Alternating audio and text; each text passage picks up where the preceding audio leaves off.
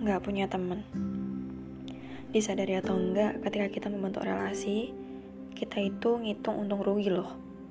Semua jenis relasi yang kita bangun, nama teorinya social exchange, tapi bahasnya nggak usah terlalu teori ah. Untung rugi di sini bukan cuma masalah materi ya, walaupun itu juga bisa masuk perhitungan.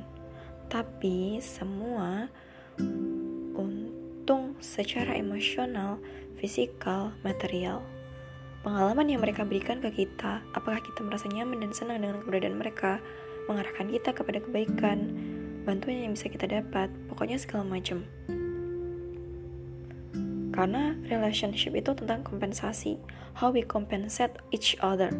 Kenapa sih B bisa bertahan dengan si A walau si A ada sifat menyebalkannya? Ya karena ada keuntungan bagi si B, entah apa itu. Kalau si B nggak melihat adanya keuntungan, ya udah akan membuat jarang nggak mau lagi berkorban waktu untuk bertemu, tenaga untuk membantu, dan lain-lain. Karena dia merasa rugi. Nah, sekarang pertanyaan besarnya, apakah kita mau berteman dengan kita? Maksudnya, kalau kita jadi orang lain, apakah kita mau berteman dengan orang yang model kayak diri kita? Jadi, kadang orang-orang yang menjadikan dirinya korban gak punya temen lah, sendirian lah, orang lain jahat lah. Ya coba ngaca dulu, diri kita bisa bermanfaat enggak buat orang sekitar kita? Dampak apa yang udah kita beri buat mereka?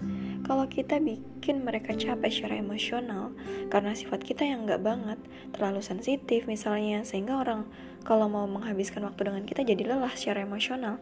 Karena harus menerka-nerka, berhati-hati, mengantisipasi masalah apa yang akan muncul atau kerjaannya nyusahin mulu. Ya, jangan aneh kalau nggak ada yang mau menghabiskan waktu dengan kita, kecuali kita bisa memberi keuntungan di ranah lain yang membuat mereka mau tetap bertahan dengan kita. Mereka mau kompensasi. Apalagi kalau kita bisa memberi dengan ikhlas.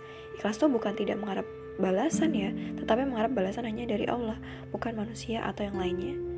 Siapa yang gak mau mendekat dengan orang seperti ini?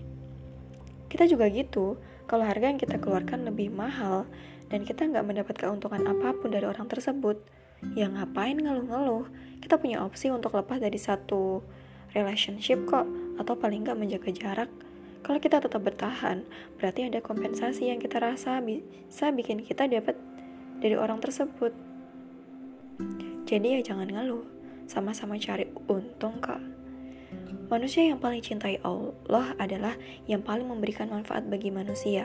Adapun amalan yang paling dicintai oleh Allah adalah membuat muslim yang lain bahagia mengangkat kesusahan dari orang lain, membayarkan utangnya, atau menghilangkan rasa laparnya. Sungguh aku berjalan bersama saudaraku yang muslim untuk sebuah keperluan lebih aku cintai daripada beriktikaf di masjid ini, Masjid Nabawi selama sebulan penuh. Hadis riwayat Tobrani.